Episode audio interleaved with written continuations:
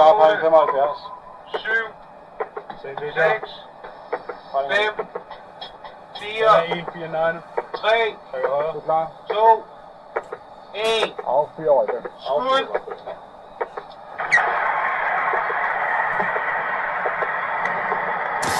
Ja, det her det er en øh, historisk optagelse fra affyringen af en torpedo fra ubåden Salen på det aller sidste togt. Salen var aktiv i det danske ubådseskadre frem til 2004, da man udfasede ubådene. Men hvorfor taler vi egentlig om gamle danske ubåde her 16 år efter, at vi lukkede det kapitel i Søværnets historie?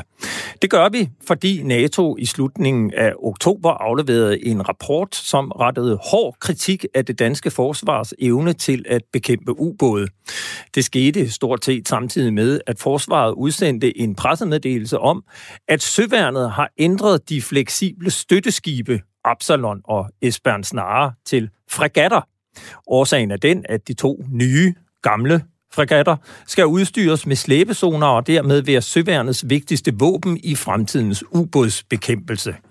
I denne udgave af Frontlinjen sætter vi fokus på NATO's kritik af Danmark, og så ser vi nærmere på søværnet og ikke mindst evnen til at bekæmpe ubåde. Hvordan ser søværnet ud i dag? Hvor er søværnet på vej hen? Og hvilke skibe og kapaciteter står øverst på ønskelisten for søværnet i de kommende 10, 20, 30 år? Vi ser også på, hvad det var for en kapacitet, vi mistede med ubådene dengang i 2004, og vi stiller spørgsmålet om slæbe- og døbesonar nogensinde kan erstatte ubådene.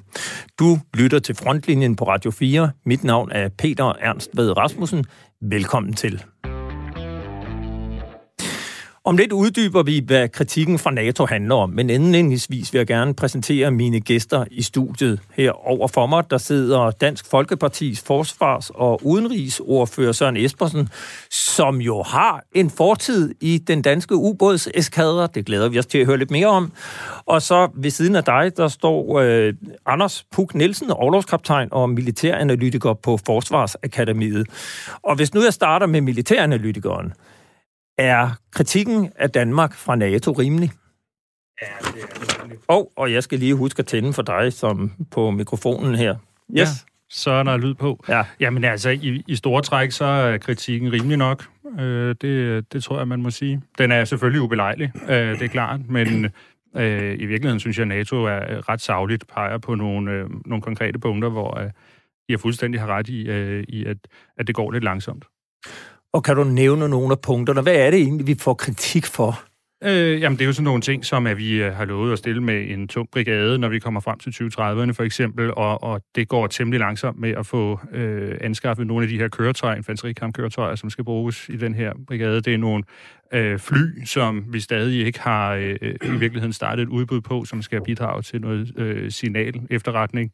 Øh, og så er det jo så øh, de her kapaciteter med øh, anti-ubådskrig, øh, hvor at det også går lidt langsomt øh, efter planen, så, så kommer de åbenbart til at være klar øh, i noget størrelsesorden seks år senere, end, øh, end det indtryk, NATO i første omgang havde fået. Søren Espersen, øh, kritikken er jo sådan rimelig markant fra NATO. Er den rimelig? Jeg synes, det er rimeligt, som Anders siger. Det, det, det er meget væsentligt at sige, at, at det, som vi, vi bygger op og er i gang med, for eksempel den, den tunge brigade, som det er betalt om, har jo nogle lange udsigter til for det første at være klar, og så også når, når man er, skal, skal være klar, så vil man stadigvæk have 24 måneder til det. Og det synes jeg simpelthen er for lang tid at vente. Og så er der også, det, det er rigtigt, de andre ting, der bliver talt om, øh, netop i forhold til anti øh, krigsførelsen, at vi, vi er langt bagud i forhold til også de lande, som er ved siden af os. Vi skal huske på, at Danmark er et af verdens allerrigeste lande, så vi behøver ikke jamre over øh, priserne, hvordan det er. Det går for langsomt. Øh, det er nok det, kritikken hovedsageligt går på. Inden vi fortsætter debatten om øh, NATO-kritikken, så synes jeg lige, vi skal forstå, hvordan rapporten fra NATO bliver til, og hvad den skal bruges til.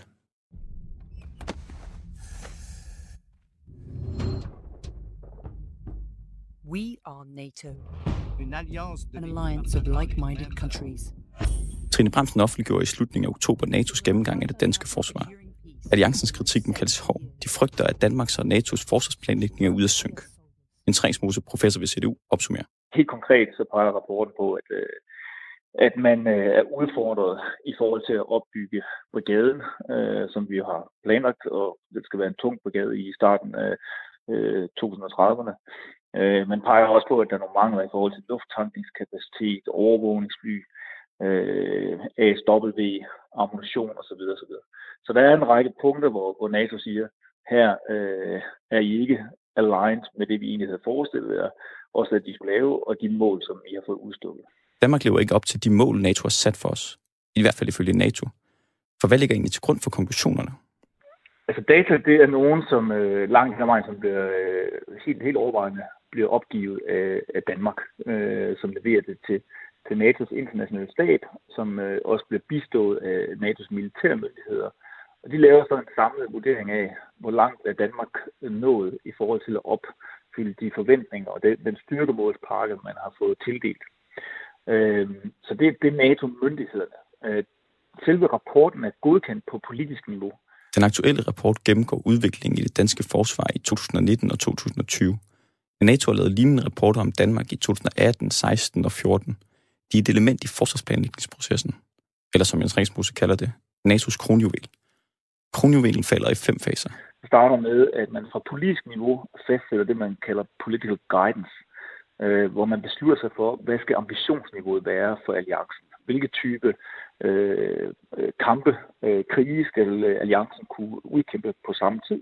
Først fastsættes altså målet. Og på baggrund af det går man så videre til step 2, som handler om at sige, hvis, hvis det her det er ambitionsniveauet, hvad øh, kræver det så som minimum, at alliancen har samlet set? Øh, hvilke styrker kræver det, at alliancen har samlet set? Nu har alliancen altså også en ønskeliste eller en to-do-liste. Så går man så til step 3, hvor man siger, jamen, hvis nu at minimumskravene til alliancen, det er den her pakke her, hvordan kan de så fordele de her styrkemål ud på landene? Og det ender så med, at hver land får tildelt en styrkemålspakke, og dermed en forventning om, at det her det er det, som NATO gerne vil have, at øh, land X eller Y skal have på en kort og mellemlang øh, tidshorisont. Sammen sætter man altså navne på to-do-listen. Nordmænd fanger laksen, franskmænd bager brød, og danskerne brygger øl. Så er der en fjerde fase, som er implementeringsfase. Så er det op til landene at få købt ind og øvet. Og så den femte fase, det er det, der hedder review-fasen, hvor øh, NATO går ind og vurderer, hvor langt er landene så kommet i forhold til at op, øh, opfylde øh, de forventninger, som alliancen har til de enkelte lande. Og der bliver så lavet en række forskellige rapporter. Den her, det er, som er lagt offentligt frem nu i Danmark, det er så en, øh, et element i den samlede afrapportering af, af landets indsats, som man har fået indblik i. Rapporten er altså en status på, om alle løfter de opgaver, vi har aftalt i fællesskab. Spørgsmålet er, som forsvarsminister Trille Bremsen har ret, når hun siger, jeg læser det som politik fra NATO's side og intet andet. Ja og nej. Altså, det er en, øh, det er en rapport, som er udarbejdet af af NATO's øh, embedsmandsniveau, øh, internationalt stab, øh, assisteret af de militære myndigheder, NATO's militære myndigheder. Øh, men det er klart, at den er godkendt på politisk niveau, så i den forstand så er den selvfølgelig politisk. Øh, men, men selve udarbejdelsen øh, og vurderingen osv., de er i første omgang lavet på, på embedsmandsniveau. Ja, det var min kollega Jeppe Rets Husted, der havde interviewet Jens Ringsmose, professor fra Syddansk Universitet. Øh, Anders Puk Nielsen, militæranalytiker. Hvorfor kan Danmark ikke leve op til NATO's forventninger? Altså dybest set, så er det, øh, så er det vel et spørgsmål om, øh, hvorvidt man, man vil. Altså man har lavet et, et forsvarsforlig, hvor øh, man har aftalt, at forsvarsbudgettet det skal, det skal vokse, men det skal jo øh, primært vokse hen i slutningen af forlisperioden, det vil sige 2023 øh, og, og, og deromkring. Øh, og det vil jo sige, at vi er ikke rigtig kommet til det endnu i virkeligheden. Øh, og så er spørgsmålet så, om kunne man have have, have accelereret det her tidligere. Øh, der har været nogle forlydende ude på et tidspunkt om, at grunden til, at, at vi havde designet forsvarsforlidet på den måde, det var fordi, at det var simpelthen så besværligt at bruge de her penge, at øh, hvis, vi, hvis vi speedede processen op, så kunne vi ikke bruge pengene forsvarligt. Øh, og, og jeg læser i virkeligheden lidt det her som, som NATO's kritik af den tilgang til det, og så siger, at ah, det kunne vi nok godt. Der var nok nogle ting, man godt kunne have gjort. For eksempel, hvis vi virkelig gerne ville købe de her flyvemaskiner, så kunne vi nok godt have startet en eller anden proces med at, at indhente nogle tilbud på, hvad det er for nogle flyvemaskiner, der er på markedet. Men øh, det er vel også korrekt, at der for, forsvarsforlidet blev indgået der i januar 2018, og man ligesom forelagde det for NATO, der fik Danmark jo egentlig ros for, om det er en fin plan, I har lagt frem. Hvordan kan kritikken så ændre på to år, ændre sig så dramatisk, som den jo rent faktisk har gjort? Ja, man kan sige, øh, når, når de her ting så er blevet sat i værk, så er der øh, simpelthen nogle ting, der er gået langsommere, end det NATO havde forventet. Eksempelvis så, så tror jeg ikke, det var forventningen i 2018, at vi først skulle have de her sonarer, som vi køber til, øh, til Arsenal-klassen, at de først skulle være operative fra 2028. Så jeg tror, at ambitionen på det tidspunkt var, at det her det ville gå hurtigere, og det var det var det, vi på en eller anden måde fik grus for øh, fra NATO det i 2018. Og, og, og, og skyldes det, at øh, det er svært at få fat i, eller er det simpelthen bare fodslætten med arbejde fra os, der skal indkøbe zoner? Øh, det, det er nok en, en, en blanding af, at det er sådan nogle processer i sig selv tager lang tid, øh, men, men hvad der er grunden til, at øh, lige præcis den her, øh, det her indkøb så er blevet forlænget, det, det må jeg sige, det, det, kan, det ved jeg så ikke præcis, hvad grunden er til, at man ikke har kunne købe dem hurtigere. Øh, det, eller andet sted hen ad vejen, så er det jo hyldevarer, som man måske godt kunne få leveret hurtigere, hvis man, hvis man gerne ville. Søren Espersen, øh, hvordan kan sådan et økonomisk løft, altså øh, for livet blev det jo besluttet at hæve forsvarsbudgettet over 6 år med 12,8 milliarder. Så siden besluttede man yderligere 1,5 milliarder, således at vi i 2023 skal komme op på 1,5 procent af BNP. Hvordan kan det munde ud i sådan en kritik nu? Men jeg tror, langsommeligheden er det, som måske er det vigtigste for, for NATO i den kritik, der har været.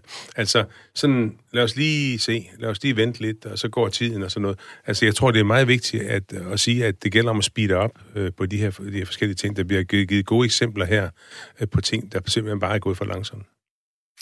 Og, og kan man gøre det? Altså, kan man speede op nu? Altså, I har jo selv været med til at beslutte, kan man sige, øh, rammen for, hvordan at pengene skal tilføres. Som, som Anders siger, så kommer langt størstedelen af de 12,8 milliarder, de bliver jo udbetalt i 2022 og 2023.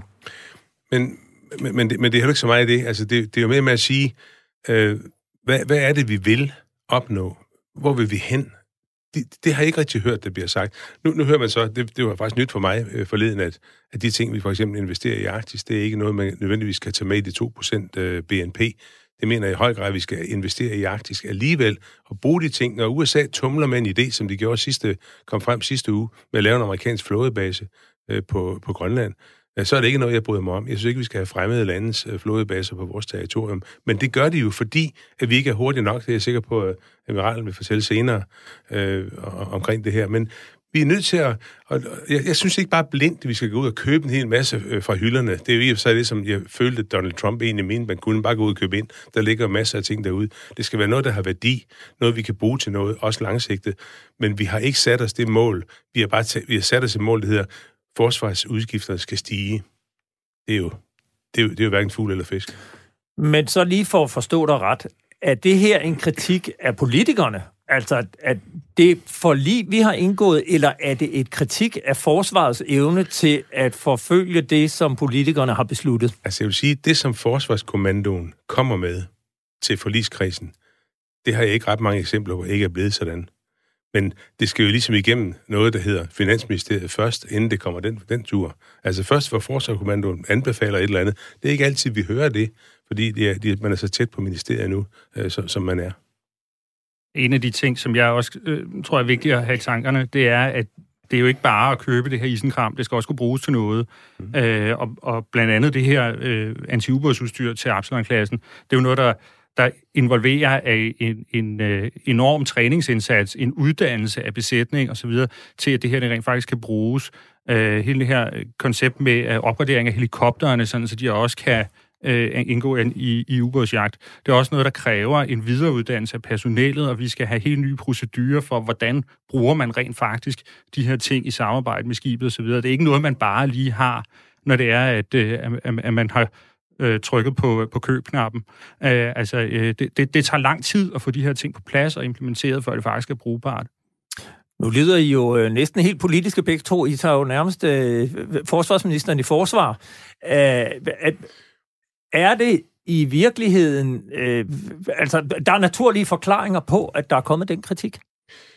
Ja, øh, jeg ved ikke, hvad jeg tog forsvarsministeren i forsvar. Jeg sagde bare, at øh, når vi ind, imellem, som det skete for eksempel midt i, i den rasende Afghanistan-krig, vi var i, fik en meddelelse fra forsvarskommandoen, nu skal altså ske noget på det og det og det, så blev det bare bevilget lynhurtigt øh, af, af forligskredsen. Det er bare det, jeg siger.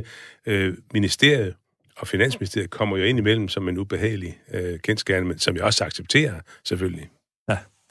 Øh, ja, Anders? Ja, man kan sige, dybest set et eller andet sted i det her, så ligger der jo også, om vi gider faktisk ikke rigtig at bruge de penge, som vi har lovet at bruge, fordi der er jo nogle ting, man godt kunne gå ud og købe øh, relativt hurtigt, som vil koste rigtig mange penge, øh, men som ikke vil nødvendigvis kræve så meget. Eksempelvis de her 27 kampfly, vi har købt, det vil være hurtigt at gå ud og bruge rigtig mange penge på at købe 10 mere, for eksempel. Øh, så, så der er sådan nogle ting, man siger, man kunne godt bruge penge ret hurtigt, hvis man gerne ville. Missiler til fregatterne. Missiler til fregatterne, ja. Køb 50 frigi- missiler mere. Ja. Det vil være øh, noget, der vil skabe noget mere robusthed, og det vil være øh, ret hurtigt at bruge penge. Ved siden af øh, Søren Espersen, der står admiralen, og det er altså ikke Anders Puk Nielsen, som er overlovskaptajn, men der står øh, kontradmiral Torben Mikkelsen. Du er chef for øh, det danske søværn, eller rettere sagt det, der nu hedder Søværnskommandoen. Og øh, man kan sige, noget af kritikken fra NATO, den, den retter sig jo mod øh, den her anskaffelse af ubådsbekæmpelse, eller som det hedder i militærsprog, anti-ubådsbekæmpelse, anti-submarine warfare, ASW.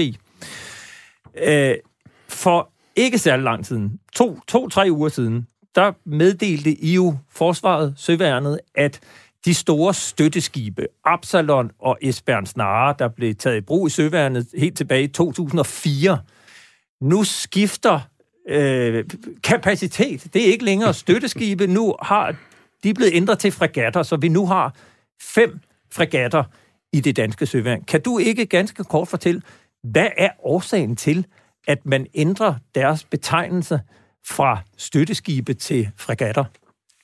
Jo, jo, det kan jeg sagtens. Øhm, de skifter ikke kapacitet, de skifter identitet. Øh, fordi sagen er jo den, at dengang øh, de blev projekteret, der var vi i en anden verden. Øh, der, der var det ikke så, øh, der var det ikke så, øh, så populært at sige, at vi skulle have fregatter. Så fandt man på at kalde dem fleksible støtteskibe, og, og så hed fregatterne jo et patruljeskib. Men sagen er jo den, at, at øh, Absalon-klassen er udrustet som fregatter, de har besætning som fregatter, og de har altid sejlet som fregatter, så nu gør vi dem til fregatter. Og nu gør vi det, at vi giver dem den identitet, nemlig at det er dem, der skal fokusere på at blive rigtig gode til anti-ubådskrigsførelse. Og det er der en idé i, fordi den kan, de kan rent faktisk have to helikoptere, i modsætning til Ivar Wittfeldt-klassen, altså vores andre fregatter, som kun kan husere en helikopter. Fordi det her, det er jo en pakke af, af, af helikopter plus, øh, plus skib. Ja, og når du siger pakket helikopter, så er det vel fordi, at helikopterne også kan bære det, man kalder døbesonar. Så udover at man kan have en slæbesonar monteret på fregatten, så kan helikopteren flyve ud og aflevere døbesonar bøjer som kan komme længere væk end, end skibet, går jeg ud fra. Jamen, det bliver lidt nørdet, det her. Altså, man kan sige, øh, anti-ubådskrigsførelse foregår øh, typisk ved, at man har tildelt et Maritime Patrol Aircraft, altså et fastvingefly, som kan gå ud og dække et kæmpestort område. Og så kan de få en idé om, øh, hvordan ser det der område ud. Så kan man sende helikopterne ud, og så kan man i virkeligheden mere detaljeret øh, identificere, hvordan ser situationen ud nede under vandet. Og de helikopter kan også smide noget, der hedder sonarbøjer, øh, som i virkeligheden er bare noget, man dropper ud, og så lever de der sonarbøjer og genererer et billede, som de sender op til helikopter og skib. Og så kan helikopteren flyve et andet sted hen og, og, og døbe sine zoner ned. Så det er sådan, øh, det, er, det, er, altså det, er, det er lidt nørdet, men, men det er, jeg synes, det kan nogle spændende. Jeg selv er chef på en uh, stoppeenhed. Men vigtig nørderi. Vigtig nørderi. For, fortæl lige, Torben. Når, når nu man ændrer betegnelsen, identiteten, som du siger. Man, man giver dem en, et nyt ansvar, der hedder anti-ubådsbekæmpelse. Hvad sker der med de opgaver, som støtteskibene løste før i tiden? Altså, kommer man til at låse støtteskibene nu som fregatter, fordi de får den her slæbezoner, så der er opgaver, der ikke længere kan løses, fordi vi så ikke har støtteskibene? Nej, det gør vi ikke. Altså, øh, der er en kæmpe stor fællesmængde mellem, mellem de to fregatklasser, vi nu har, Absalon-klassen og Ivo klassen De kan begge to øh, lave overfladekrigsførelse. Ivo klassen er jo dem, vi opgraderer med de nye missiler.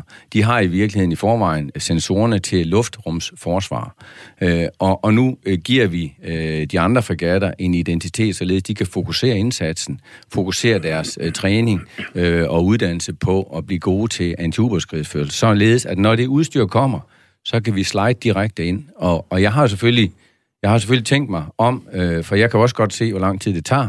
Så, så jeg har jo indgået aftaler med min, med min britiske øh, kollega, min franske kollega og min amerikanske kollega, om at vi laver udvekslingsprogrammer, således at vi kan lære af dem, således at vi kan øh, minimere den der tid, der går fra vi får udstyret til vi kan bruge det. Nu kunne jeg godt tænke mig lige at få dig til at så hoppe op i, i den virtuelle helikopter. Fordi hvis jeg tænker tilbage på den gang, før vi udfasede ubådene, altså hvis vi kigger på 90'erne, der havde vi et søværn, hvor der var ubåde, der var motortorpedobåde, vi havde de såkaldte standards flexskibe, vi havde korvetter, vi havde fregatter. I dag der har vi et søværn, der vel groft sagt nu så alene har i krigsskibsklassen fem fregatter. Vi har ikke længere korvetter, vi har ingen motortorpedobåde, vi har ingen standard flex, vi har ingen ubåde. Så har vi nogle Diana-klasse, som vil groft sagt kan betegnes som mere sådan nogle kystvagtfartøjer. Men kan du ikke prøve at beskrive det søværn, du er chef for i dag? Hvad er det for et søværn? Og hvad er det for opgaver, I løser? Hvad er det for opgaver, I ikke kan løse? Eller hvad er det måske mere, du mangler for at kunne løse det fulde spektrum af opgaver for et søværn? Altså, jeg vil gerne løfte mig op i helikopteren, øh, den virtuelle helikopter, fordi sagen er jo den, at dengang øh, vi havde det, du øh, oplister her, der var verden anderledes. Der var vi det første NATO-land, øh, russerne vi ramme øh, kunne møde. Så derfor havde vi en flåde, som var god til at bekæmpe den landgangsstyrke, som var på vej ind til Køgebugt. Den situation er vi ikke i lige nu. Nu drejer det sig om, at nu er der nogle andre NATO-lande, som faktisk ligger tættere på. Så nu skal vi være gode som værtsnation. Nu skal vi være gode til at beskytte på dan- øh, danske lufthavne og havne, øh, således at forstærkning kan komme ind. Fordi uanset hvordan vi vender og drejer det, så er den der link over til Nordamerika, den transatlantiske link, det er vores center of gravity, det er vores hjerte. Det skal vi beskytte, det skal vi vise, vi, vi er i stand til at beskytte. Og, og, og, øh, og derfor er opgaven anderledes, og derfor bliver de kapaciteter, vi har brug for, også anderledes.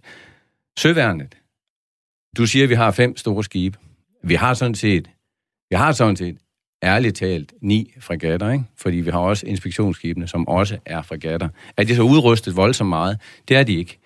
De er, de er udrustet til, øh, til den opgave, de laver deroppe nu. Men, men, ja, op, men, op omkring, altså i Nordland, omkring ja, Færøerne og Grønland. Øh, Grønland, Færøerne. Øh, men, men, øh, men der har vi jo lavet et opgraderingsprojekt, øh, således at de i virkeligheden øh, har fået opgraderet deres operationsrum. Vi styrker besætningerne nu. Øh, I gamle dage, øh, dengang øh, du, det du taler om, der, havde, der var besætningen på sådan et inspektionsskib øh, 70. Der havde de jo en døbezoner. Der havde det, der hedder en variable death zoner nede på agterdækket. Men da, men, men da man så øh, i virkeligheden skulle, skulle høste fredsdividenden, og, og situationen var anderledes, øh, så, så blev alt det der øh, fjernet, og lige nu er besætningen 50. Den øger vi til 60 nu, øh, og, øh, og for at forberede os på at, blive, blive lidt bedre til, til den militære dimension, også med de skibe. Er det forkert at sige, at inspektionsskibene i de seneste år, altså efter at øh, den kolde krig hørte op, så i hvert fald overgik mere fra at kunne løse militære opgaver til også mere at være en slags kystvagt omkring Grønland, altså fiskerikontrol og kontrol af, hvad, hvad der foregår i farvandene om, omkring Grønland, Grønland og Færøerne, og man nu egentlig går lidt tilbage i en mere militær tankegang og, og, og giver dem nogle, noget mere mandskab og måske også nogle flere opgaver, eller hvad? Jamen, det er, ikke, det er ikke forkert at sige, øh, fordi sagen er jo den, hvis man flytter udstyret, hvis man fjerner den der zoner, som jeg talte om tidligere, jamen, så har man jo fjernet evnen til i virkeligheden at kigge ned igennem vandsøjlen. Og hvis du fjerner nogle af de andre ting, som er blevet fjernet på skibene, jamen så mister man jo den kapacitet. Øh, og så er der heller ikke brug for så stor besætning. Og det var det, der var ligesom øh, logikken. Nu prøver vi at gå lidt den anden vej og sige, jamen okay, der, der er nok en anden dimension. Altså for eksempel overvågning af, af, af området omkring Grønland Færøerne er jo, er, jo det, er jo det område, der fokuseres på. Det kan jo godt ske, at det kræver lidt flere folk i operationsrummet at opdatere billedet og få det sendt ind til dem, der nu har brug for, for det billede. Hvis nu vi så kigger lidt ud i fremtiden, altså nu har vi et forlig, der går til 2023, som jeg går ud fra, at man allerede er langt i gang med planlægningen af, hvad man skal investere i, og hvordan forsvaret skal udvikle sig i det næste forlig, som formentlig gætter på også er sådan en 5-6-årig periode. Og hvis vi måske endda kigger endnu længere ud i fremtiden, altså vi talte, inden vi gik i studiet her, om, at et skibs levetid er omkring 30 år, sådan ungefær, Øh, og, og, og der er jo allerede nogle skibe, der står for at skulle afløses af andre. Hvad er det for et søværn, du kigger ind i, når du kigger i krystalkuglen? Altså, hvad er det, som vi er på vej mod? Hvad er det for opgaver, søværnet skal løse? Hvad er det for et søværn, vi skal have om 10, 20, 30 år? Jamen altså, øh, et skib holder, indtil det knækker. Øh, men i træskolængder, så tager det cirka 10 år fra du har tegnet den første øh, streg på et stykke papir, indtil du har skibet. Og skibet kan så holde 30 år. Ish. Der er mange gode eksempler på, at skibene kan holde længere. Så, så derfor skal man selvfølgelig begynde at tænke på, øh, vores inspektionsskibe, de er ved at være i slutfasen af deres liv. Vores Iver Wittfeldt-fregatter, de er vel cirka midt i øh, den der 30-års periode. Absalon-klassen er lidt længere til højre. Øh, vores miljøfartøjer ligger også øh, ude, i, øh, ude i den højere, højere del af skalaen. Vores øh, Diana-klasse ligger vel sådan cirka midt i. Og vores Knud Rasmus inspektionsfartøjer, som sejler nordpå, også Grønland Færøerne, de ligger sådan øh, en tredjedel ind og, og midt i. Så selvfølgelig skal man begynde at tænke på, hvad, hvad, hvad skal der til for, at vi kan øh, opretholde øh, det, man nu ønsker, at vi skal opretholde. Øh, jeg synes, vi har et, et rigtig godt søværn. Jeg synes, de spor, der er lagt i forhold til en ubådskrigsførelse, så kan man selvfølgelig altid ønske, at de kommer hurtigere. Øh, Øh, men, men, men, og det vil jeg ikke, det vil jeg ikke komme klog på, øh, hvorfor, hvorfor det tager den tid, det tager. Jeg ved godt øh, lidt om, øh, det er jo noget med udbud og alt muligt andet, som også tager tid. Øh, så, så, så der er mange, der skal have lov til at byde ind på det. Men, men, men sagen er den, de spor, der er lagt omkring ubådskrigsførelse, og, og de ting, øh, vi gør i Søværn, Søværens ledelse, for at forberede os på, når nu udstyret kommer, og blive dygtige til at bruge det, det synes jeg øh, er, er i virkeligheden en, en, en, en, en, øh, en retning, Øh, Øh, fordi så kan vi beskytte det hjerte, som jeg talte om tidligere. Men hvis man så bare lige øh, kort her til sidst øh, ser på, opgaverne ændrer sig på forsvaret her op gennem nullerne og tierne, hvor vi har været indsat i mange internationale missioner. Vi har brugt støtteskib og fregatter i øh, antipirateribekæmpelse nede ved Afrikas Horn. Når du ser på det trusselsbillede, der er, hvad er det så umiddelbart, du ser, der er brug for? Er det korvetter? Er det øh, motortorpedobåde? Eller er det noget helt andet? Eller, eller skal vi bare fortsætte med at bygge primært store skibe, der kan være indsat langt fra Danmark i lang tid ad gangen? Altså, vi har to opgaver. Vi har artikel 3-opgaven, som er forsvaret i Danmark. Så har vi artikel 5-opgaven, som er det kollektive øh, forsvar. Og jeg synes, man skal tænke sig om, og så bygge nogle, øh, bygge nogle kapaciteter øh, og det er i virkeligheden i alle tre værn, som øh, kan håndtere øh, begge dele, øh, som vi kan bruge og flexe ind og ud. Fordi der er jo ingen, der ved, hvordan der prioriteres i tid og rum. Det kan jo godt ske, at de store skibe, vi har nu, skal bruges til forsvaret af Danmark. Det kan også være, at prioriteringen er, at de skal ud og sejle et andet sted. Øh, og det er jo enormt svært at sige. Og så lige nu nørder vi jo lidt om ubåden i den her udsendelse. Får Danmark ubåd igen? Det, det ved jeg ikke. Altså, det, det, er jo det er sådan set op til politikerne. Øh, jeg, jeg er sat i verden til at blive dygtig til at bruge det, vi får, øh, og prøve at udnytte det mest muligt. Øh, så ja, jeg ved ikke, om vi får ubåde. Jeg, jeg, synes, jeg, synes den, øh, altså, jeg synes i virkeligheden, det, der er sat på, øh, de spor med luftrumsforsvar og en ubådskrigsførelse, det giver god mening i det scenarie, vi lever i. Du lytter til Frontlinjen. Mit navn er Peter Ernst ved Rasmussen. Jeg har i dag besøg af chefen for Søværnet, Søværnskommandoen, kontradmiral Torben Mikkelsen. Vi har besøg af Søren Espersen, forsvars- og udenrigsordfører for Dansk Folkeparti, og på fløjen her, der har vi overlovskaptajn øh, Anders Puk Nielsen, som er militæranalytiker på øh, Forsvarsakademiet. Inden vi lige går videre, så øh, kunne jeg godt tænke mig at fortsætte det her om, om ubådsbekæmpelsen. For det kan jo være inter- interessant at se på, hvad det var for en kapacitet, vi udfasede, den, udfasede dengang i 2004. Hvad var det, ubådene kunne? Og hvordan opererede de? Vi forsøgte at få lov til at besøge de tyske ubåde i Ekern 40 ved Flensborg, men på grund af corona var det ikke muligt. Så i stedet har min kollega Jeppe Rets Husted besøgt den sidste aktive danske ubåd, som står på den nu nedlagte flådestation Holmen.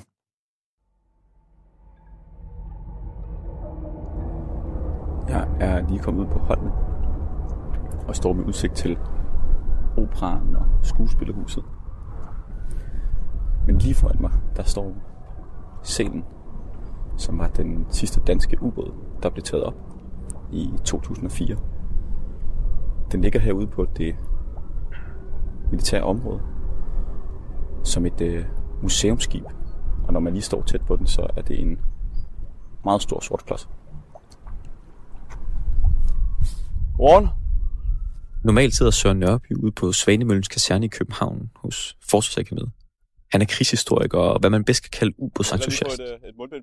I hvert fald føler jeg mig overbevist om, at han aldrig kunne finde på at kalde en ubåd en stor sort klods. Ja, men, men, men, så måske du lige kan starte med at forklare, hvorfor det er, at du interesserer dig så meget for ubåde. Øh, jamen, jeg interesserer mig for ubåde, fordi jeg synes, det er et, øh, et, et ekstraordinært, eller en meget spændende stykke militært isenkram. Den kan nogle ting, som øh, andre øh, militære stykker isenkram ikke kan. Altså, det er jo øh, en sniger, som øh, i, i fredstid, den kan lave efterretningsoperationer, hvor ingen ved, den er der. Og så kan den i øh, krigstid, altså nu har vi salen her bag os med, du kan se, otte torpedorør, ikke? Altså den kan, den kan lave øh, huller i en række skibe. Og hvornår, hvornår fattede du interesse for ubåde? Altså, jeg er født i 76, så det er nok omkring 77, jeg begynder at synes, det var spændende. Ikke? Altså, det, er sådan, det har altid, jeg har altid haft en interesse for den slags. Jeg ved ikke, hvor det kommer fra. Men det har altid så spændende. Så må det være fedt at have sin egen nøgle til. Ja, det, det har sin fordel. Så Nørby har ikke bare sin egen nøgle til sælen. Han er også en af de få civile danskere, der sejlede med forsvarets ubåd. Kort før den blev skrottet, dokumenterede han ubåden Nordkaberens sidste togt. En øvelse i Polen. Ubåden endte som skrot i Frederikshavn. Meget modsat selv. Der er sådan en lille stige op til ubåden her.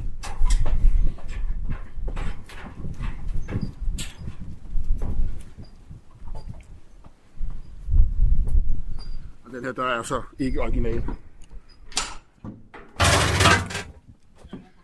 Hvis jeg skal byde velkommen, så står vi jo i ubåden Salen på Bredbænken i København. Ubåden har været her siden 2004, da man lukkede det danske ubådsvåben. Den er så vidt muligt bevaret, som den så ud sidste dag, den var i tjeneste.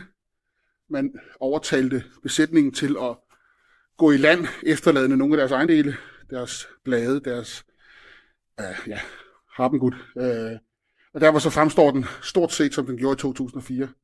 Jeg vil så sige, at den lugter væsentligt bedre, end man gjorde dengang. Øh, efter sådan tre ugers sejlads med en kombination af diesel, øh, mandesved, og i enkelte tilfælde kvindesved, og mad, og øh, så øh, har man en ret specifik kropsodør. Men øh, det er altså en undervandsbåd, der har været tjeneste i den danske flåde fra 1990. Den er oprindeligt bygget i Tyskland i 65, tjente den norske flåde frem til 90, hvor vi købte den, og så havde vi den tom til 2004. Vi står jo her i, i spidsen af ubåden, og der ja. er de her øh, meget sart grøn malede rør. Øh, hvad er det? Det er undervandsbådens 8 torpedorør. Den er øh, udstyret med 8 af de her med en 55 cm torpedo, der kan sejle små 40 km. Øh, den kan styres fra undervandsbåden hele vejen frem til målet ved hjælp af en lille bitte tynd wire, så at man kan, øh, hvis der kommer et nyt mål, eller målet skifter retning eller kurs eller fart, så kan man give nye oplysninger til torpedoen og på den måde ramme. Og en torpedo er altså et, et undervandsmissil, kan man kalde det, sådan en halvanden meter, nej undskyld, øh, halvanden tons tung rør, der har en skrue i den ene ende og en springladning i den anden, og så kan den sejle hen og lave et ordentligt hul i et fjendtligt skib og få det til at gå, gå ned på bunden. Og det er jo helt konceptet. Og den har altså otte af de her, og det gør den til en meget, meget svært bevæbnet øh, undervandsbåd af den her type. Og når du siger, at der er et kabel, vil det sige, at når, den forlader, altså når torpedoen forlader røret her, ja. kommer ud i vandet, så er den faktisk fysisk forbundet med ja. ubåden hele vejen hen til målet? Hele vejen hen til målet. I en 1 mm tynd øh, ledning, som øh, bliver spolet ud fra både torpedoen og fra undervandsbåden, så den ligger stille i vandet, så den bliver revet over. Jo. Og den styrer man altså torpedoen eller, ja, igennem og kan give den nye oplysninger. Og oplysningerne får man jo, det kan vi så ikke se her, men på øh, ydersiden af ubådens snude, der sidder hydrofoner, altså små øh, mikrofoner, som opfanger lyden i vandet. Og det er så for eksempel der, man kan opfange skruestøj, og så kan man lynhurtigt finde ud af, at den her skruestøj, er det fra en lille fiskekutter på vej ud af Næksø, eller er det en øh, øh, russisk destroyer, der kommer knaldende med 32 knop. Det kan man høre, og så kan man derudover finde ud af, okay, øh, hvad for en af dem skal vi sende en torpedo efter. 3, 2, 1. Affyr over den. De otte rør kunne hver rumme en enkelt torpedo, og der var ikke plads til flere ombord. Det der med lige at genlade, det er ikke noget, man lige gør sådan her. Det tager altså en del tid. Besætningen havde otte skud i bøssen, og så skulle de igen i havn. Vi møver os lidt videre. Ja, det er trænge, trængkår. For snuden bevæger vi os langsomt ned igennem ubåden. Gangen er smal, men det er alt ombord. Toilettet er trængt, køkkenet urimeligt lille, og de personlige skab på størrelse med skotøjsæsker. Du finder jo lynhurtigt ud af, om du, om, om du er klaustrofobi. Det tager 30 sekunder. Når de lukker lugen, og du sejler, så opdager du, om du er klaustrofobi. Hvis du ikke har, jamen så er det jo... Så går du bare rundt og hygger. Der er jo ikke, du kan ikke, der er jo ikke nogen vinduer, så du kan ikke se ude. Og, øh, og så skal man sådan set bare være parat til at være meget tæt på andre mennesker. Øh, og det havde vi ikke noget problem med, mig og mine kollegaer. Så var det sådan bare utrolig hyggeligt, nogle utrolig venlige, meget tolerante mennesker, man sejlede med undervandsbåd i. Vi kommer forbi køjerne ombord. Også her er der sparet på pladsen. 18 køjer til 25 mand. Besætningen måtte leve med en løbende udskiftning, men til gengæld så var sengen altid varm.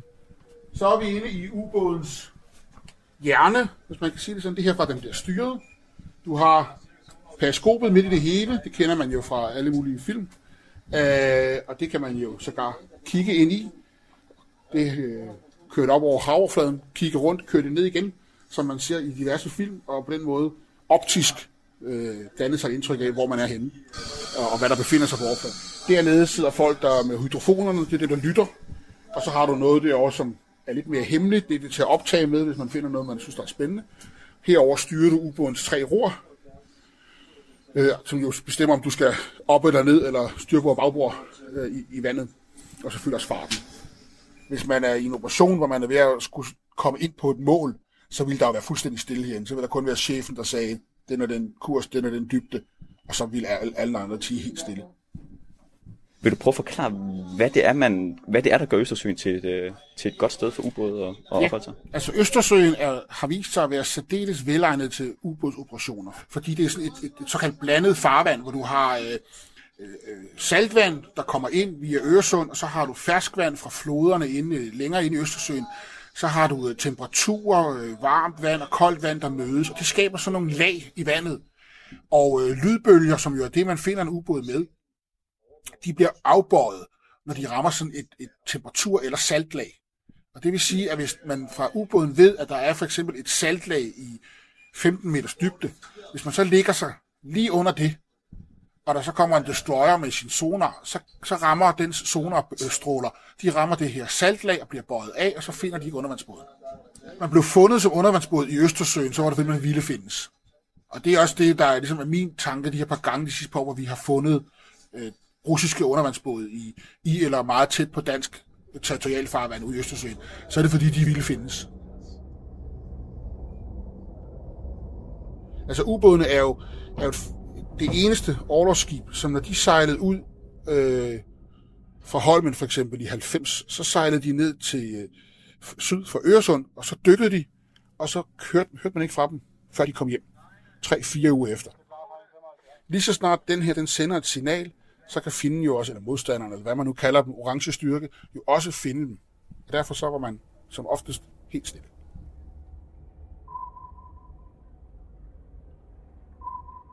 Søren Nørby forklarer, at de danske undervandsbåde kunne være neddykket i helt op mod fem dage. Hvis besætningen altså lagde sig på køjerne, slappet af og sparet på ilten. Den elektriske motor betød, at ubåden var helt tavs.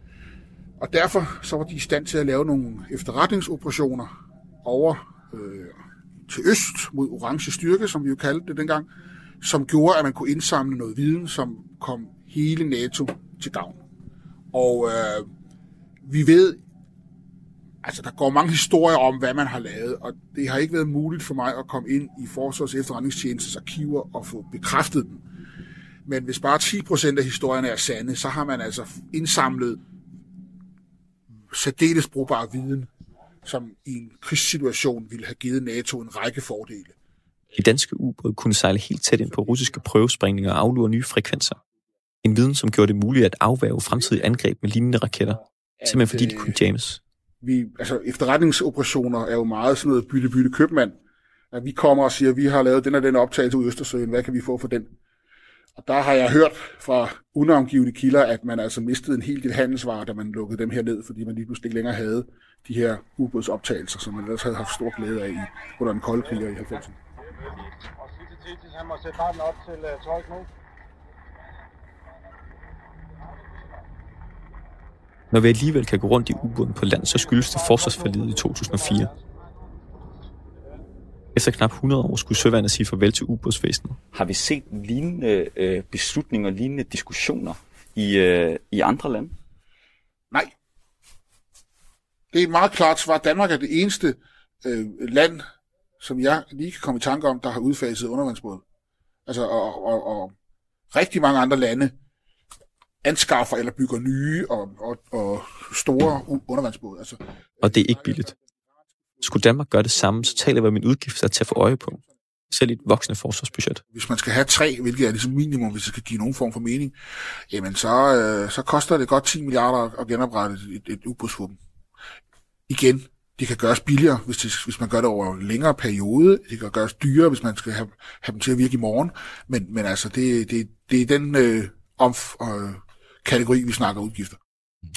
Ja, Søren Espersen, det kommer jeg jo lige til at spørge dig om, men først er vi nødt til at lige høre, hvad er dit eget forhold til ubådseskadren? Jamen, det var de uh, glorværdige år i 74-75, hvor jeg var værnepligtig i Søværnet, og der kom jeg i det, der hedder ubåds- og motortorpedobådseskaderen ombord på et moderskib, øh, som var en gammel øh, ombygget øh, Bornholmerfærge, der hed Hammershus før, så kommenterede Henrik Gerner. Og det fikse ved dem, det var, at på, eller ved, skibet der, det var, at øh, der kunne være alle de der torpedoer, der overhovedet skulle være. Og vi havde øh, flere hundrede torpedoer ligge på det gamle bildæk. Øhm, uh, det kuriositet. Uh, øhm, så jeg er den eneste nulevende øh, dansker, der har overlevet, overlevet et direkte torpedoangreb min, min tommelfinger blev ramt, for jeg var i den lille båd, der skulle sejle øh, ud og hente øvelsestorpedoerne op. De lå der, og det kom op på, ski, på siden af skibet, og så sejlede de op til Henrik Gerner, hvor det var sådan en kran, der begyndte at løfte op. Der kom min lille tommelfinger i klemme. Så jeg måtte indlægges på, på Rønne sygehus efter det her torpedoangreb. Så Lad mig gætte på, at du også er den eneste folketingspolitiker, der har været udsat for et torpedoangreb. Det, det, det tror jeg. Måske flere har fortjent det, det ved jeg ikke, men jeg, jeg opnåede det i hvert fald. Men, Nej, men, men de var jo tunge, de der, øh, nogen der, og det var et, et godt ski. Jeg tror faktisk, vi var et af de sidste hold overhovedet på Henrik Gerner, inden den blev... Øh, men det var slut med den. Nu, nu hører vi her, hvor, hvor meget det vil koste, hvis Danmark skulle overveje at, at genindføre ubådsvæsenet. Er det noget, du ser for dig? Altså, jeg ved jo, da øh, i det seneste forsvarsforlig, der var der jo også noget ubådsdebat, og jeg ved, I har jo været varme fortaler for, at Danmark skulle have ubåd igen. Jeg synes, det var en tragedie, at, at uh, ubådseskæren uh, blev nedlagt. Og Hvorfor? Det var, fordi den havde umålige ting, at Anders har forklaret en hel masse om, også tidligere øh, i forhold til, øh, til manden derude på... Søren Nørby, ja. Ja, ja Søren Nørby, ja, altså hvor at øh, netop, øh, han nævner de her forskellige vandtyper, men jeg kan også nævne dybden øh, på, på, på, på, hav, på havet i Østersøen, som er meget skiftende. Og, og vi havde, vores ubådsofficerer befandt med, havde udviklet en, en, en viden om, hvordan man, man færdes i de her meget lave øh, vande. Så det er, det er jo en stor projekt, øh, hvis vi skal til at lave det om igen. Men jeg synes bestemt, vi skal. Altså en, en udgift på 10-15 øh, millioner i den her forbindelse. Mi- milliarder milliarder ja. i, i den her forbindelse, øh, synes jeg er, er, er rimeligt, og, og det må vi kunne finde penge til. Det vil være umådelig betydning, øh, at vi fik det tilbage. Motortorpedobådene, det ved jeg ikke, det har jeg ikke forstand på, men jeg tror på en eller anden måde, de måske har overlevet deres rolle. Vi havde jo 15 15-16 øh, motortorpedobåde dengang, og 6 ubåde. Man, siger, man, man siger jo om ubådene, at de er rigtig dyre at anskaffe, men når man først billige har drift. dem, så er de ja. meget billige i drift, fordi ja. modsat fregatter, altså så er besætningerne meget små. Ja, men... Og det vil sige, at selve eskaderen er lille i forhold til at holde tre fregatter flydende. Øh, Anders Puk Nielsen, hvis man ser på ubådsvåbnet, giver det mening for det danske søværn at have ubåde, eller er det bare et kapitel, der er lukket? Jeg tror, øh, når man kigger på det danske søværn, så skal man øh, have... Øh, jeg synes faktisk, din kategorisering før er, at Danmark faktisk kun reelt har fem reelle krigsskibe, og så siger Torben Mikkelsen så, at ah, vi har så nogle andre, der måske kan tælle lidt med. Men jeg synes i virkeligheden, Øh, skåret ind til benet, så har vi kun fem krigsskibe, som alle sammen er frigatter. Øh, og det betyder, at der i virkeligheden er tomt på rigtig mange hylder af, hvad man vil sige, en komplet flåde vil bestå af. Øh, og det er da rigtigt, at et eller andet sted på den liste, der fremgår ubåde også, og det er bestemt et relevant våben, men det er ikke dem, der ville stå øverst på min prioriteringsliste, hvis det var, at vi skulle ud og, og anskaffe noget nyt. Hvad vil stå øverst på din prioriteringsliste, når du ser på det trusselsbillede, der er, og du ser på de år, der kommer fremadrettet? Hvis jeg skulle pege på to ting, så den første, jeg vil pege på, det er, at vi skal have nogle arktiske frigatter, nogle dedikerede øh, skibe, som kan operere ved Grønland året rundt øh, og løse de her mere skarpe militære opgaver. Øh, det er en fin løsning indtil videre. Og hvad er de skarpe militære opgaver omkring Grønland? Ja, det, det er rigtig meget øh, anti-ubådskrig. Øh, det er jo vigtigt at holde tingene adskilt her. Øh, når vi taler om, at øh, det danske søværn skal kunne indgå i anti-ubådskrig, så er det jo altså ude i Atlanterhavet. Det er jo ikke i Østersøen, vi taler om. Øh, og øh, det er jo en fin overgangsløsning at udruste Absalon-klassen til det her. Men dels så har Absalon-klassen jo nogle begrænsninger i forhold til at kooperere i isfyldte farvand, og dels, som du også var inde på, så har vi den udrustning af i virkeligheden, eller udfordring, i virkeligheden så havde Absalon-klassen jo egentlig meget andet at lave i forvejen. Så jeg synes, på den lange bane, når vi skal erstatte den her Thetis-klasse, så giver det god mening at se på, om vi ikke skal op og have nogle regulære... Og Thetis-klasse, det er vores inspektionsskibe, Præcis, ja. der sejler omkring Grønland i øjeblikket. Ja. Og nu lovede jeg så at nævne to ting, så hvis jeg må pege på den anden, så, så, så vil det være øh, minerydningskapacitet. Øh, når jeg ser på den russiske øh, Østersøflåde, så synes jeg ikke, de, det lægger op til, at de forestiller sig et scenarie øh, med øh, masse ubådskrig, men til gengæld peger det rigtig, rigtig meget på, at de har tænkt sig at bruge miner rigtig meget. Øh, og det, det er vi nødt til på en eller anden måde at forholde os til, at vores, øh, vores minerydningskapacitet, den har vi ikke investeret specielt meget i de sidste mange år. Og så kigger jeg over på chefen for Søværnet. Hvad har vi af minerydningskapaciteter i øjeblikket, og er det noget, vi skal have mere af? Altså, lige nu der har vi øh, øh, vores MCM Danmark, som det hedder, som Mind Countermeasure Danmark. Og det var jo i virkeligheden øh, et, øh, et produkt, dengang man, øh, at det blev besluttet og, øh, og nedlægge standardflex-enhederne, fordi der havde vi øh, faktisk det skibsbornt. Men øh, der var nogle ildsjæle, som sagde, at vi er nok nødt til at, at være i stand til at holde lidt øh, øje, hvad er det, der foregår under vandet. Og så blev det containeriseret, øh, og, og, og det er i virkeligheden blevet sådan et NATO-projekt, og, hvor der er mange nationer, der kigger efter os og siger, det var sgu egentlig meget godt, I, I fik det lavet, og det er faktisk rigtig godt. Kunne man så ønske sig mere? Øh, det kunne man jo nok, det kan man jo altid, jeg også gerne have hangarskib. Men, men, men sagen er jo den, at, øh, at øh, som jeg sagde tidligere, så, så tror jeg, jeg, jeg er faktisk enig med Anders, at, at øh, fordi det er jo den modsatte situation. Under den kolde krig, altså i gode gamle dage, da jeg, da jeg startede, der, var, der skulle vi være gode til at lægge de der miner, fordi at vi skulle beskytte os mod den landgangsstyrke, der kom over østfra. Nu skal vi være gode til og i virkeligheden at, at, at fjerne de der miner. Men man skal også huske på, at hvis de bliver lagt, selvfølgelig. Men man skal også huske på, at, at, vi, at, at NATO er jo en pulje, øh, og, og der er altså andre nationer i vores nærområde, som også kan MCM. Øh, og, og, og, og hvis ballonen går op, så er det jo sådan set meningen, vi skal arbejde sammen. Det er jo det, der er hele ideen med det. Så at have sådan en komplet øh, søværn, som kan hele, hele pakken, altså træerne vokser ikke ind i himlen. Jeg ved udmærket godt, hvis jeg, hvis jeg fik lov at, at lave en ønskeliste, så kunne jeg bruge forsvarsbudgettet helt alene.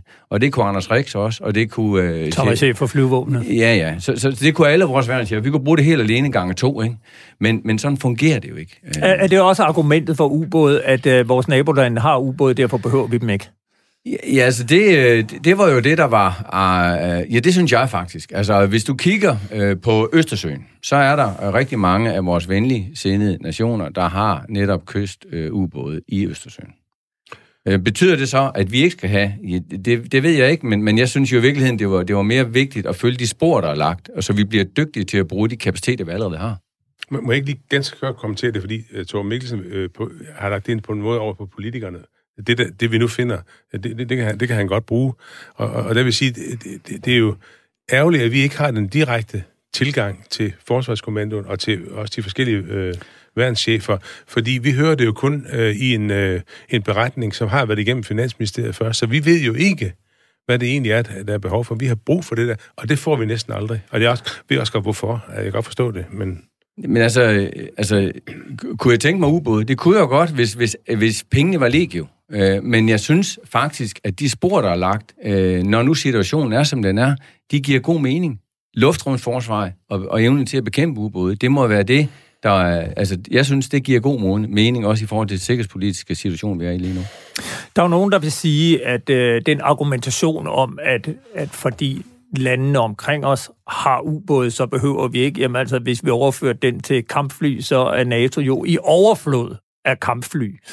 Øh, så, så, så på den måde klinger det lidt hul, og burde det ikke netop være årsagen til, at, at man så øh, netop satsede på det, sådan at, at man var med.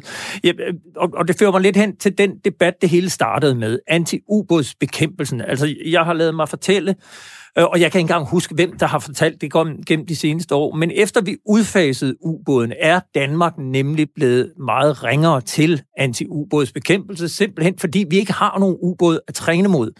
Nu trækker du på smilbåndet. Ja, for det er jo at, ikke at, rigtigt. Det er ikke rigtigt. Nej, fordi altså, vi, der er masser af nationer, vi kan træne ubåds øh, krigsførelse på. Altså masser af NATO-lande, øh, også i Østersøområdet, øh, som, som har kystubåde, som vi kan træne og øve med. Og, og det gør vi. Øh, så, så det er ikke fordi, vi ikke har ubåde, vi måske øh, er blevet lidt dårligere til at lave anti-ubådskrigsførelse. Det er fordi, vi har sådan set fjernet øh, de systemer for de skib, der havde det. Øh, og nu skal vi have systemerne købt ind igen, og så kan vi blive dygtige til det igen. Så, så det, man, kan ikke, man kan ikke drage en direkte parallel der. Man taler også om, når man laver forsvarsplanlægning, at, at vi skal ikke øh, forberede den krig, vi er i gang med. Vi skal kigge ud i fremtiden, og vi skal forberede os på den næste krig. Så når nu I taler om her, Anders, du fortalte mig inden, at øh, russerne har jo stort set ingen ubåde tilbage i Østersøområdet. Lige nu er fokus meget op omkring det, man kalder GUK, Gap, Greenland, Iceland, UK, altså den, det vand, der ligger imellem øh, Storbritannien og, og Grønland. Men hvordan ser det ud om 10-20 år? Øh, og, og, og hvor stor betydning får Østersøen? Altså, er det ikke noget, man er nødt til at have med i sine overvejelser også, Anders? Jo, det er man. Øh, og så noget af det, vi jo også er nødt til at have rigtig meget med i vores overvejelser, det er i hvor høj grad vi kan blive ved med at, og, øh, som Europa bare lægge det hele på USA og sige, det er dem, der i virkeligheden er øh, ryg, rygsøjlen i det her.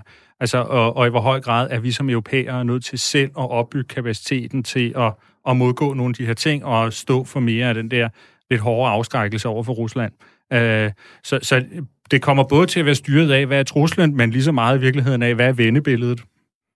Jamen, jeg tror, du har ret i, der er ikke nogen, der ved, hvordan ser det ud i fremtiden. Altså, nu taler vi om levetiden på et skib, det er 30-40 år, ikke? Hvordan filen ser situationen ud om 40 år? Jeg aner det ikke. Og jeg tror, der er mange, der bliver overrasket over Krim også. Altså, så vi bliver overrasket. Så derfor drejer det sig om, at vi følger det der koncept, vi har øh, på de maritime øh, kapaciteter, nemlig øh, fremtidssikre dem, og så øh, fortsætte det her modulariserede øh, koncept, som vi jo i virkeligheden bliver forgangsmænd for i hele NATO, som mange øh, nationer kigger os på, fordi så er vi i stand til at tilpasse det. Absalon-klassen er jo, er jo et kanon godt eksempel på det. Der, altså, hvad fint skulle man bruge et fleksibelt støtteskib til med, med et stort øh, lastrum? Jamen, det har jo vist sig, at det har været voldsomt anvendeligt. Øh, så fleksibiliteten og fremtidssikring. Nu øh, kunne jeg lige læse på Danmarks Radio, at der sejlede en russisk ubåd igennem Øresund i går. Den passerede Kronborg, den var selvfølgelig øh, sejlet i overfladen. Lad os nu forestille os, at russerne prøvede at få en ubåd neddykket igennem danske farvande. Vil vi vide, at det skete? For det første er det rigtig god til at navigere. Øh, så jeg, jeg, vil, jeg, vil, øh, jeg vil tvivle på, at det er sådan bare noget, man lige gør. Men øh, øh, vi vil vide det. Godt, så er vi svar på det. Jeg, jeg skal lige spørge her. Øh, nej, Anders, kom. Der er simpelthen ikke dybt nok til, at de kan sejle hele vejen igennem. Så, okay. så det, det, det kommer ikke på tale. Så er det sådan nogle mini-ubåde i hvert fald. Ja. Det, det er meget simpelt. Nu taler vi meget om øh, forsvarsbudgetterne også. Altså, der er lige blevet valgt en ny amerikansk præsident, og alle er enige om, presset på Danmark kommer ikke til at ændre sig fra Trump til Biden. Vi skal stadigvæk bruge flere penge på forsvar. Søren Espersen, vi kommer op på i 2023 at bruge 1,5 procent af BNP på øh, forsvar. Forsvarsministeren lover, at vi arbejder hen imod 2%. Det vil være 16-17 milliarder mere om året, hvis vi kommer op på 2%. Er øh, en styrkelse af søværnet og blandt andet ubåde, måske på tegnebrættet set med Dansk Folkepartis øh, briller. Vi har et minut tilbage. Ja, det, det er det bestemt. Jeg synes heller, altså, når vi taler om penge, jeg vil ikke sige, øh, igen tage det, jeg sagde i starten. Vi har masser af penge i Danmark. Det lyder godt nok meget arrogant, men vi er et af verdens mest velhavende lande. Og hvordan kan det være, at øh, britterne kan gøre det her øh, med, med 3-4 procent af BNP, og franskmændene må vi kan ikke. Og i USA med, med 5 procent. Altså, det jeg godt kunne tænke mig, at vi havde en diskussion om i de kommende forsvarsforlig, det er, hvad er vores mål? Nu har svenskerne sagt for eksempel, at de vil have et forsvar, der kan, der kan holde fjenden væk i tre måneder. Jeg ved ikke, hvad vores, øh, hvad vores øh, linje er, men det er ikke ret meget. Og der, jeg vil gerne, vi sætter os nogle mål. Hvad er det, vi vil bruge det her til? Og så er det fuldstændig rigtigt, når det så kommer det stykke. Vi aner ikke, hvad der sker om 10 år. Derfor skal vi have et generelt forsvar, som vil kunne omstille sig øh, hurtigt. Men vi har penge til det her.